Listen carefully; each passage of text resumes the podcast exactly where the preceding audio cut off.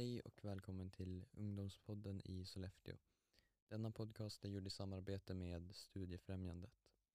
Det är jag som är Isak Och det är jag som är Leo. och idag kommer vi prata lite om vattnets olika väsen. Ska vi börja med Näcken eller kanske Bäckahästen? Eh, vi kan väl börja med Näcken. Skulle du kunna berätta lite grann om honom? Eh, yes, jag har en bok här som jag kan läsa ur. Vad passande. Det står att Näcken äger en kuslig förmåga att ändra skepnad. Kanske visar han sig så att han liknar någon du känner. Ofta är han väldigt stilig men tittar man noga syns ibland en rostig järnkedja runt ena foten. Eh, ingen vet hur han kan spela så vackert. Det berättas att han en gång var en ängel som kastades ut från himmelriket och aldrig fick komma in igen.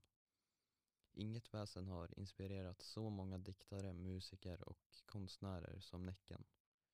Eh, Det är mycket farligt att dras med i Näckens musik. Då får han makt över dig och styr dina steg rakt ut i vattnet.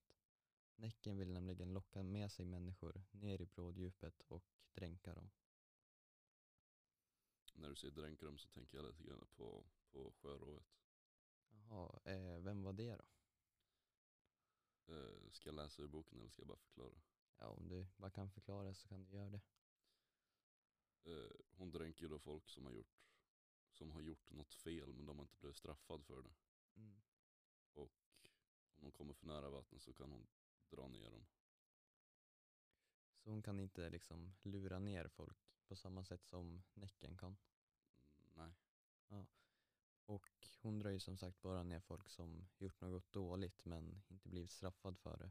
Medan Näcken lurar ner folk alltså lite mer för skojs skull. Han är lite mer ond och elak kan man säga. True. True. Men eh, om vi fortsätter på vattentemat då. Vet du något annat väsen som lever i eller vid vattnet? Eh, ska jag bläddra i boken? Eh, ja, du kan ju se om du hittar någon.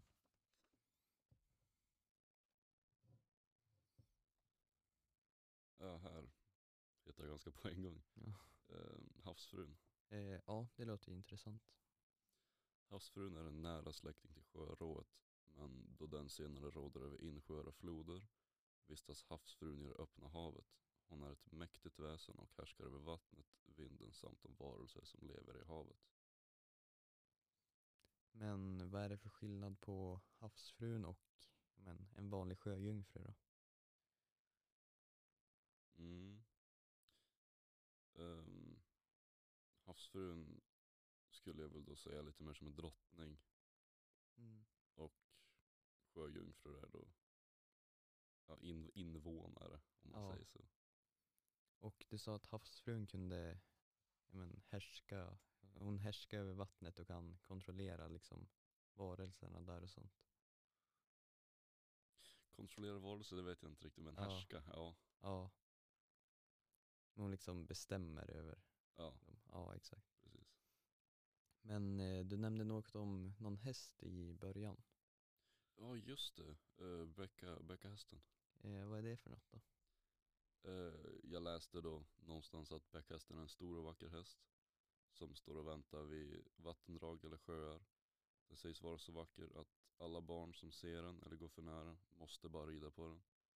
Men när de sätter sig på hästens rygg så, så de blir fastklistrade Ja. och de kan inte ta sig loss. Ehm, ja, och sen så när alla har satt sig på hästen då, då Mm. så börjar den gå långsamt ner i vattnet. Och de som sitter på kan inte ta sig loss för de är fastklistrade. Ja just det. Ja, jag läste faktiskt om bäckhästen kom jag på nu. Eh, ja men för ett tag sedan bara. Och då var det en berättelse om en grupp ja, små pojkar som ja, såg en häst vid vattnet, bäckhästen då, då. Mm.